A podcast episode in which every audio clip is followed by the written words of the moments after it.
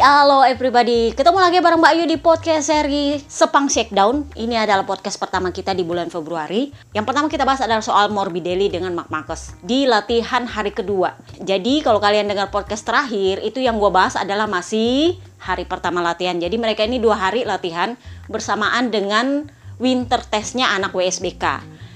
Jadi kalau kalian sebenarnya sudah baca postingan di blog, kalian pasti tahu ceritanya di hari pertama. Jadi waktu itu belum ada cerita yang jelas soal apa yang terjadi, tetapi di Pramak itu tertulis bahwa terjadi sesuatu kepada Morbidelli dan mereka berterima kasih kepada Mark Marcus yang sudah memberikan pertolongan di track. Karena Morbidelli itu sempat pingsan tapi overall dia baik-baik aja secara pandangan mata karena dia masih sehat-sehat aja ketika di pedok masih sempat foto-foto lagi bareng sama Marcus bersaudara. Tetapi waktu itu belum ada yang jelas ceritanya ada apa dan bagaimana. Cuman ketahuan bahwa Mark Marcus ini menolong Morbidelli. Jadi waktu itu gue langsung bilang terima kasih. Gue sampai mention Mark Marcus, thank you for helping. Waktu itu gue pikir cuma sekedar membantu. Membantu membawa dia ke pedok atau membantu ngecek dia bagaimana. Jadi kalau kalian lihat postingan gue di Runut dari hari pertama, itu gue bilang gue pikir dia cuma ngecek lalu bawa ke pedok. Bahkan untuk hal seperti itu pun gue sudah appreciate banget. Gue sampai mention dia bilang gue terima kasih.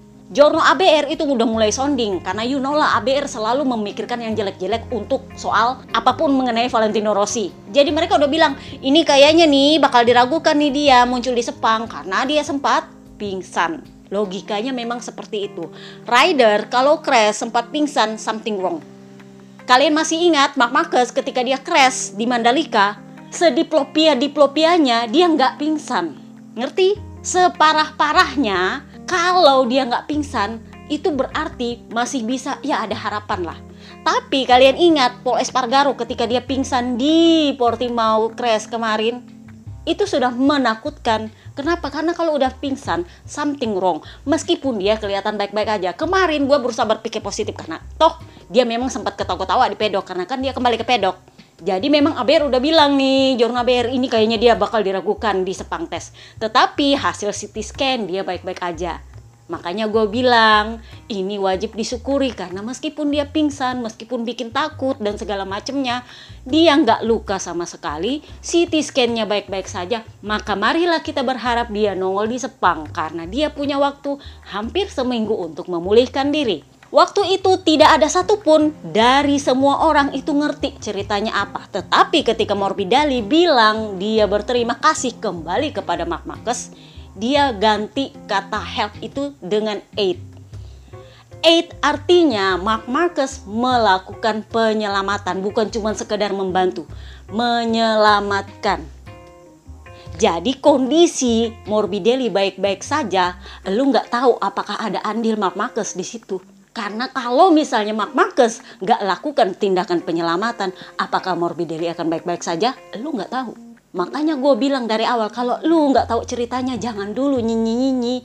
Appreciate. Why? Karena dia pingsan. Kalau dia sadar terus dibantu, ya wajar lu bilang, oh ya mungkin dia wajar lah segini orang juga kalau lewat pasti dibantu. Enggak, karena dia pingsan. Pingsan means something wrong there. Jadi akhirnya Mark Marcus cerita, dan gue apresiasi juga caranya Mark Marcus yang gak gembar-gembor dia nggak songong-songongan bilang gue nyelamatin dia atau dia membalas mentionan dari Morbidelli yang mengucapkan terima kasih sama dia. Enggak. Gue sepertinya merasa dia mulai ada pencerahan soal betapa banyak santan instan yang harus dia bayar selama ini Jadi dia memutuskan untuk gak bicara sampai kemarin konferensi pers acaranya Grace ini baru dia bilang karena dia ditanya itu pun karena dia ditanya dan karena Morbidelli di hari sebelumnya itu menuliskan thank you for your aid. Jadi dia bilang oh iya saya memang membantu dia. Dia nggak bilang menyelamatkan loh, dia bilang saya membantu dia. Karena memang faktanya kami ini memang lawan, tetapi di sisi lain kami juga rekan kerja karena dia satu pabrikan dan kami bermusuhannya kami ingin dia juga dalam kondisi terbaik ketika one on one kita berlawanan di track jadi dia bilang Waktu itu dia sudah duluan, Morbidelli sudah duluan dan saya tiba bersama Alex itu belakangan di antara tikungan 8 dan 9. Jadi kalau kalian bertanya kenapa bisa dia crash, sampai sekarang itu para rider masih bertanya-tanya kenapa dia bisa crash di situ. Jadi kalian tahu itu yang lintasan roller coasternya Portimao yang kalau lu lewat situ pasti motor lu terbang gitu. Nah, di situ dia habis dari situ dia crash. Jadi lintasannya masih lurus. Jadi memang ada kemungkinan dia crash di situ, menggelundung di situ dan itu berpengaruh sampai dia jelek banget crashnya. Jadi dia didapati oleh Mark Marcus itu sudah di run off. Dan masalahnya posisi jatuhnya itu agak aneh. Jadi dia bilang, jadi saya memutuskan untuk berhenti karena crashnya aneh. Setelah kami cek ternyata dia pingsan. Dan dia pingsan itu posisinya kepalanya menghadap ke atas. Jadi saya memiringkan badannya baru melepas helmnya dan melepas baju balapnya. Supaya dia bisa bernapas. Karena kalau seseorang pingsan dengan kepala menghadap ke atas, itu dia susah untuk bernafas yang punya asma pasti tahu nih karena gue punya asma. Gue tuh kalau asma gue kambuh gue pasti memiringkan badan supaya paru-paru gue enak bernafas. Justru kalau lu menghadap ke atas dan kepala lu sejajar sama badan susahnya minta ampun untuk bernapas. Jadi dia harus miring. Jadi dia bilang seperti itu. Dan setelah itu kami menunggu staf medis datang untuk melakukan pengecekan dan kembali ke pedok bersama-sama. Jadi yang kemarin nyenyi-nyenyi itu kan gue udah tegur. Gini loh, gue kalau udah negur atau ngomong sesuatu, kalian yang ngintiler lama pasti tahu gue udah ngerasain sesuatu. Waktu itu gue bilang, jangan sampai Morbidelli yang kena karma kebencian kalian. Kenapa? Karena berita terbarunya adalah dokter meminta pemeriksaan lanjutan sebelum memberikan oke okay dia ke sepang tes. Artinya sesuatu terjadi. Meskipun kemarin dia baik-baik saja, meskipun kemarin dia pulang ke rumah. Jadi ada tuh yang komen bilangin gue bego, dia bilang lagi gue admin, berarti dia anak baru. gue baru tahu kalau ada fansnya Valentino Rossi yang bilang gue admin. untuk pertama kalinya gue dibilang admin sama seorang fansnya Valentino Rossi gue tuh agak hah lu dari mana aja bro? Jadi gini dia bilang dia bilang ini ngeres dia bilang kan kalau kita benci sama dia bukan berarti kami harus terima kasih sama dia. Karena kan Morbidelli sudah terima kasih sama dia. Karena kan semua orang itu karmanya ditanggung oleh masing-masing. Eh bro gini.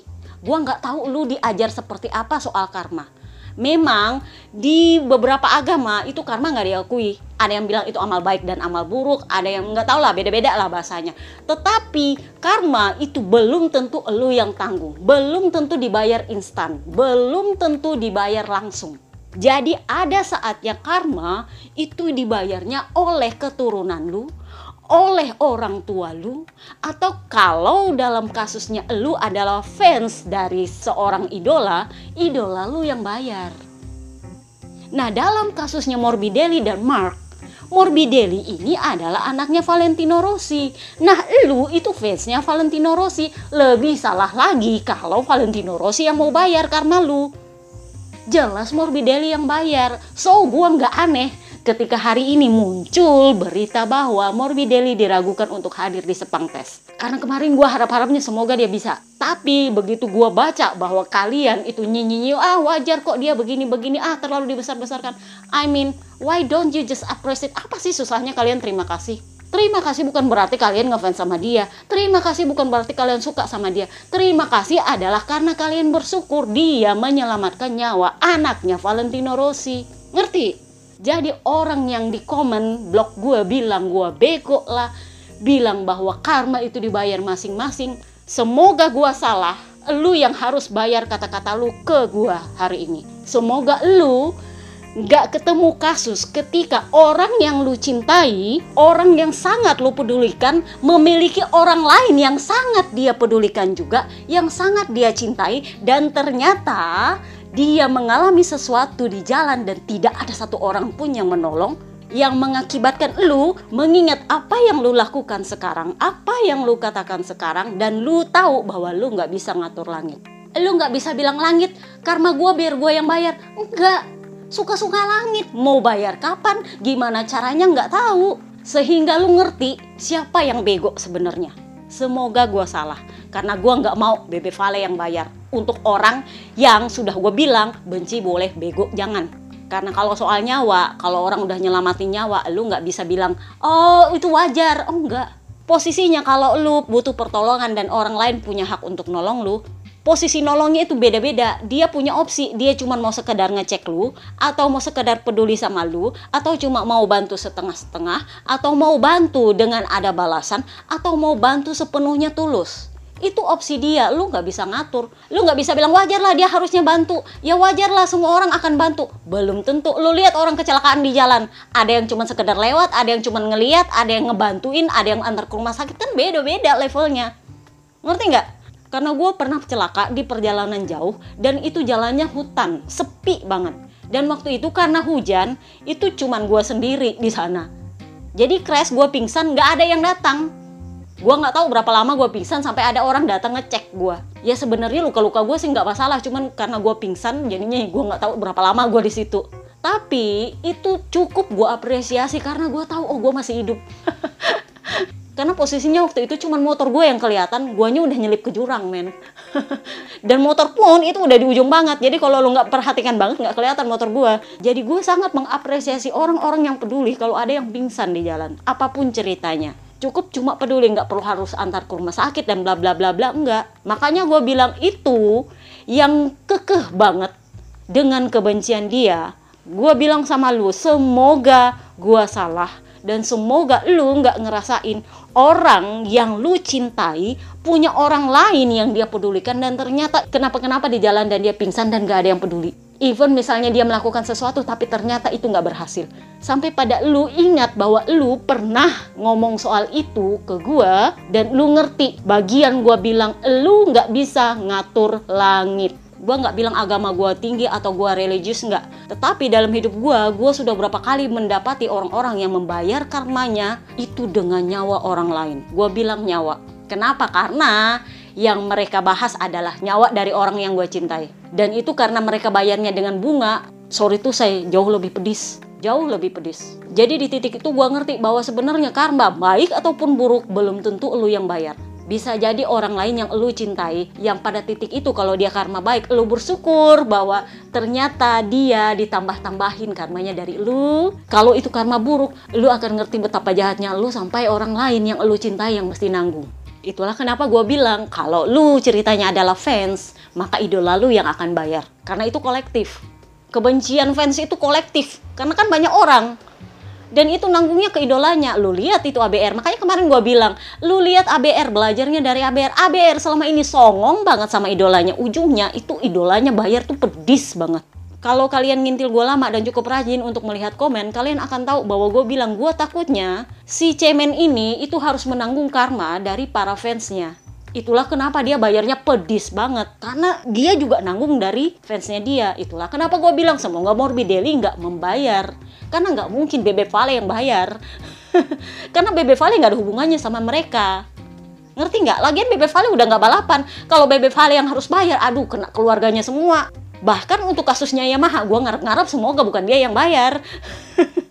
Karena gue fansnya Bebe Vale dan gue itu mencintai Bebe Vale sebagai fans yang baik, yang ada otak. Ngerti? Oke, okay, so sekarang kita pindah ke Sepang. Jadi di Sepang ini para rider konsesi itu boleh datang, termasuk rookie.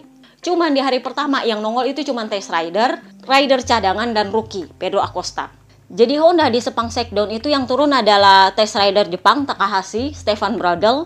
Kemudian KTM itu yang turun adalah Dani Pedrosa, Paul Espargaro sebagai rider cadangan, kemudian Pedro Acosta sebagai rookie. Aprilia cuma sebijinya, Lorenzo Savadori. Yamaha cuma sendiri Papa Willow, Kemudian Piro ya jelas dia sendirian.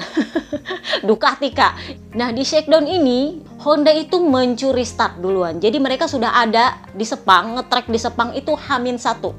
Jadi ketika para test rider baru nongol nih, baru cek-cek di pedok, lagi siap-siap, itu mereka udah ngetrek di Sepang.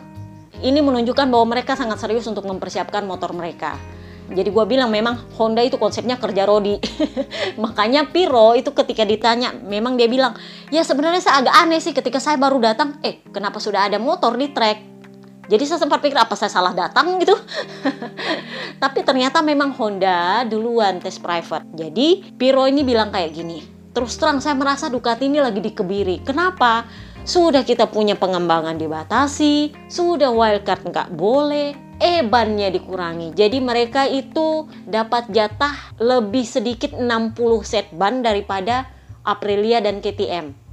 Jadi dia bilang, tahu nggak saya masuk di garasi, itu kru bilang gini, jangan ngeluh ya, jangan komplain. Kamu harus ngider-ngider itu di track sampai kanvas ban kelihatan, harus dihabisin.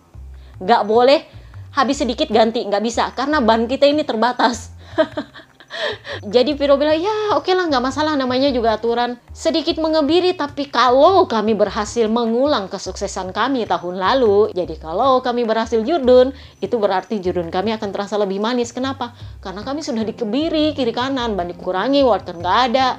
Jadi kemarin Ducati di hari kedua itu turun dengan firing baru yang dijanjikan oleh Papi Perigigi agak berbeda memang, tetapi ternyata bukan cuma Ducati. Di hari ketiga, Dani Pedrosa pakai firing dengan konsep yang sama. Jadi makanya gue bilang itu kayak Aero War semuanya ngikut siapa. Jadi KTM itu punya aero yang mirip-mirip seperti Aprilia, tetapi dia pasangnya di garpu depan di sparkboard. Kalau di Aprilia kan dia di garpu tapi tujuannya untuk mendinginkan mesin. Sementara di KTM itu sepertinya tujuannya untuk mendinginkan ban. Nah, ini juga sempat dipakai oleh Honda ternyata. Konsepnya sama untuk mendinginkan ban karena dia taruhnya di sparkboard. Sementara Aprilia, kemarin kan udah gue bilang di podcast terakhir, gue pinisirin sama Aprilia karena selalu ada yang baru dan ternyata mereka muncul dengan rear aero yang baru. aero ala F1 di pantatnya itu saking uniknya sampai giri bola dari KTM itu jalan jauh-jauh siang-siang panas-panas di Sepang. Itu cuman untuk ngambil foto jepret-jepret aeromotornya Savadori. Nah, kedapatan sama krunya Aprilia sepertinya ditegur dia. Nggak tahu lah gimana lah cicet-cicetnya ujungnya si Giri Bola sepertinya agak-agak enakan terus dia pergi. Jadi untungnya nggak ada pertumpahan darah. Jadi memang kemarin mereka keluar dengan aeronya mereka masing-masing. Honda juga keluar dengan aeronya mereka di sparkboard depan, kemudian rear aeronya juga ada. Nah, yang sedikit bikin penasaran adalah Yamaha. Katanya sih, katanya mereka sebenarnya punya banyak aero untuk dicoba. Tetapi gosipnya berhembus sepoi-sepoi itu sebenarnya maunya dipakai sore. Tapi nggak pernah dipakai itu aero sore karena hujan. Itulah kenapa aeronya Yamaha nggak terlalu kelihatan karena sebenarnya Meregali nih yang bilang ya secara overall sih semua berjalan sesuai rencana cuman memang ada beberapa bahan yang kami rencananya mau pakai itu untuk sore tapi karena hujan jadinya batal dipakai karena nggak memungkinkan untuk dipakai tetapi overall Yamaha ya gue nggak tahu ini sih masih katanya Meregali belum katanya Quartararo. Meregali bilang ya kami cukup meningkat di beberapa aspek. Kecepatan kami meningkat karena ya you know Quartararo ada di posisi 1, 2, 3, keempat keempat itu cukup cepat nggak ya? karena posisi pertamanya kemarin kan di hari terakhir itu adalah Pedro Acosta diikuti oleh Paul Espargaro selanjutnya Johan Sarko selanjutnya Dani Pedrosa baru Quartararo jadi apakah memang secepat itu seperti yang dikatakan Meregali? Gua nggak yakin. So far belum ada pernyataannya Quartararo jadi berdasarkan apa yang terjadi di Indian GP, mundur lagi kalau kalian mau tahu podcast tahun lalu Indian GP, kalian tahu itu ceritanya seperti apa Quartararo vs Meregali. Jadi gue nggak terlalu percaya apa kata Meregali sekarang, karena kemarin gue belajar dari tes Misano, Meregali bilang apa, Quartararo-nya bilang apa. Jadi kita lihat nanti, gue belum mau puas soal Yamaha. Meskipun ya overall mereka lebih baik dari Honda. Tetapi Honda nggak seburuk itu juga. Kalian lihat Sarko, dia nangkring di P3 loh di bawahnya Paul Espargaro. Jadi Luca Marini itu bilangnya kayak gini. Motor kami yang saat ini itu berbeda dengan motor di Valencia. Posisinya adalah sasisnya sudah lebih enak. Jadi kami lebih enak mengendarai motor. Ya kalau sendirian sih enak. Karena nggak ada saingan yang jadi pembanding di track. Emang enak, tapi begitu finish dan kita lihat catatan waktu, eh buset lelet. Jadi dia bilang, ya enak sih kalau sendirian iya, tapi begitu lihat catatan waktu dan finish, eh selambat itukah kami? Jadi dia itu yang sepertinya memang kami perlu meningkatkan dan kecepatan akan menjadi faktor penting karena ya memang kita bersenang-senang dengan motor ini, kami merasa nyaman, enak dikendarai, tetapi pada akhirnya nanti kesenangan itu akan hilang kalau kami tahu bahwa ternyata ini motor lambat. Bener gak sih? Kalau lu saingan dengan orang lain di trek ya sesenang-senangnya lu dengan motor yang nyaman digunakan. Kalau lelet ya sama aja. Intinya adalah yang penting kami punya feeling yang sama dengan para rider lain. Jadi Mir bilang ya motornya enak, Zarko juga bilang ya motornya enak. Artinya pengembangan ini ke arah yang sama. Sasis barunya oke. Okay. Tiga-tiganya sudah setuju. Tetapi mesinnya ini yang masih membingungkan. Sarko di tes Valencia kemarin nggak terlalu kelihatan, tetapi di shakedown dia moncer dengan sasis yang baru. Sementara duo pabrikan itu nggak ke mana-mana dengan sasis yang baru. Bahkan Papa Yohan itu sampai bilang, ini motor belum siap balapan, masih kurang cepat. Enak sih enak, tapi belum cepat. Ada banyak pilihan mesin yang harus kami pilih dan sampai saat ini kami masih belum tahu yang mana yang mau dipilih karena dia kan rider senior, dia yang menentukan mesin masih sama seperti Mark Marcus. Jadi budayanya masih belum berubah, Kak. yang menentukan motornya mesinnya yang mana masih tetap Papa Yohan. Jadinya ya kita lihatlah nanti seperti apa di tes Sepang dan di Qatar. Jadi Papa Yohan bilang saya masih belum puas sama ini motor karena menurut saya masih belum siap untuk balapan leletnya ini bukan motor untuk balapan enak sih enak tapi ini kalau mau dipakai balapan aduh ketinggalan banget kita kalau satu lap satu lap aja segitu selisihnya, apalagi kalau balapan kak, ditambah dengan ban aus, bener gak sih? Jadi kita lihatlah nanti. Sementara Pedro Acosta, nah ini kalau menurut gua dia ini lumayan impresif sebagai rookie. Untuk rider yang baru pertama kali merasakan motor MotoGP hari keempatnya itu dia sudah berada di catatan waktu tercepat jadi kan dia baru naik motor MotoGP itu di Valencia satu hari. Kemudian di shakedown hari pertama, hari kedua, hari ketiga dia sudah memimpin catatan waktu bahkan dari pagi hari. Sementara ruki-ruki yang lain nggak bisa secepat itu adaptasinya. Harus gua akui. Makanya gua kasih tanda tanya. The next Mark Marcus? Tanda tanya. Gua sendiri belum tahu apakah dia bakal bisa seperti Mark Marcus atau enggak. Tetapi bagi gua dia itu adalah memang calon ikan hiu baru. Karena memang di hari terakhir itu dia memimpin catatan waktu, dia crash bahkan dua kali di siang hari dan di sore hari. Di sore hari itu hari ketiga kan hujan, hujan badai. Jadi setelah hujan itu banyak rider yang nggak turun trek lagi, tapi dia turun sama Papa Willow dan Savadori kalau nggak salah bertiga. Karena dia pengen tahu kecepatan motornya ketika di trek basah. Dia ngegeber dan dia crash. Untungnya sih nggak kenapa-kenapa, tapi dia bilang ya paling nggak saya tahu gimana rasanya saya ngetrek di trek basah. gue suka cara pembawaan dia yang sekarang itu yang lebih kepada ya paling nggak gue tau lah gini. Ya paling nggak gue tau lah seperti ini. Gue tahu limitnya. Gue tahu kalau begini dia akan begini. Jadi dia sepertinya bersenang-senang dengan proses belajar dia tanpa beban bahwa oh gue mesti jurdun gue mesti ini gue mesti itu ini yang kemarin ada ngintil tanya ini kira-kira dia bakal nyamain Bebe Vale nggak? Gue nggak bisa bilang dia akan melebihi Bebe Vale. Bahkan melebihi Mark Marquez pun gue belum tahu. Tapi karena dia masih muda sekali itu dia punya potensi. Kalau DPRD tingkat pusat mau mendukung dia. Karena sejauh ini DPRD tingkat pusat masih dalam skenario gimana caranya si Cemen bisa tembus 9 jurdun. itu masih skenario utama. Jadi si calon ikan hiu baru ini masih dikesampingkan dulu karena aku cuma punya skill. Dia nggak punya dukungan skenario DPRD. Beda ya ceritanya, kalau yang di sana itu DPRD punya skenario begitu sempurnanya sampai rela merubah aturan demi dia naik ke motor pabrikan. Sementara yang satu ini, uh dapat seat aja mesti depak kiri kanan, Bo. Jadi kita lihat nanti posisinya di antara para rider seniornya di Sepang Tes karena di Sepang Tes itu adalah tes yang asli. Karena para senior di track itu full semua nongol nggak cuma sebatas bersaing sama tes rider nggak cuma sebatas bersaing sama para rider konsesi. Jadi kita lihat posisinya dia di antara para seniornya di tes Sepang nanti akan seperti apa. Pun kalaupun dia bagus di tes Sepang atau di tes Qatar belum tentu dia bagus sepanjang musim ini Why? Karena kan kita nggak tahu Ducati akan seperti apa, Aprilia akan seperti apa, dan apakah dia akan baik-baik saja. Nah, ngomongin soal baik-baik saja, mari kita bahas soal Mark Marcus. We back to Mark Marcus. Si Frankie Carcedi, kru chief dia itu ditanya, kira-kira menurut lu Mark ini bisa jurun apa kagak?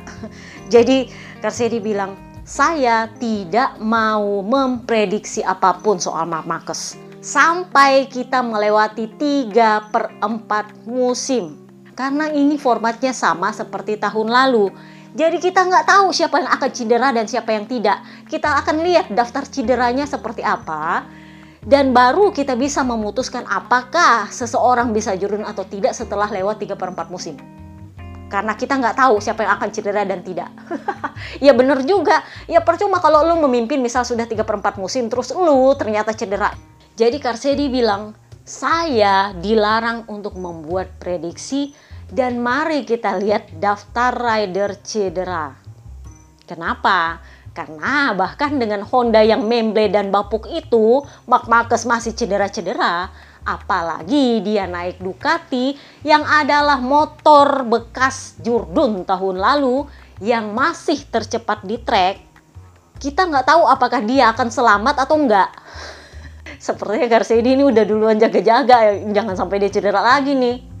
Karena Mark Marquez kalau nggak bisa mengontrol dirinya di atas motor yang sangat cepat, terutama seperti Ducati, ya gue setuju sama CEO-nya Ducati, Domenicali bilang, saya takut dia terlalu banyak crash karena terlalu sering melewati batas dan motor ini adalah motor tercepat di trek. Jadi kalau kamu melewati batas, hampir pasti kamu akan cedera.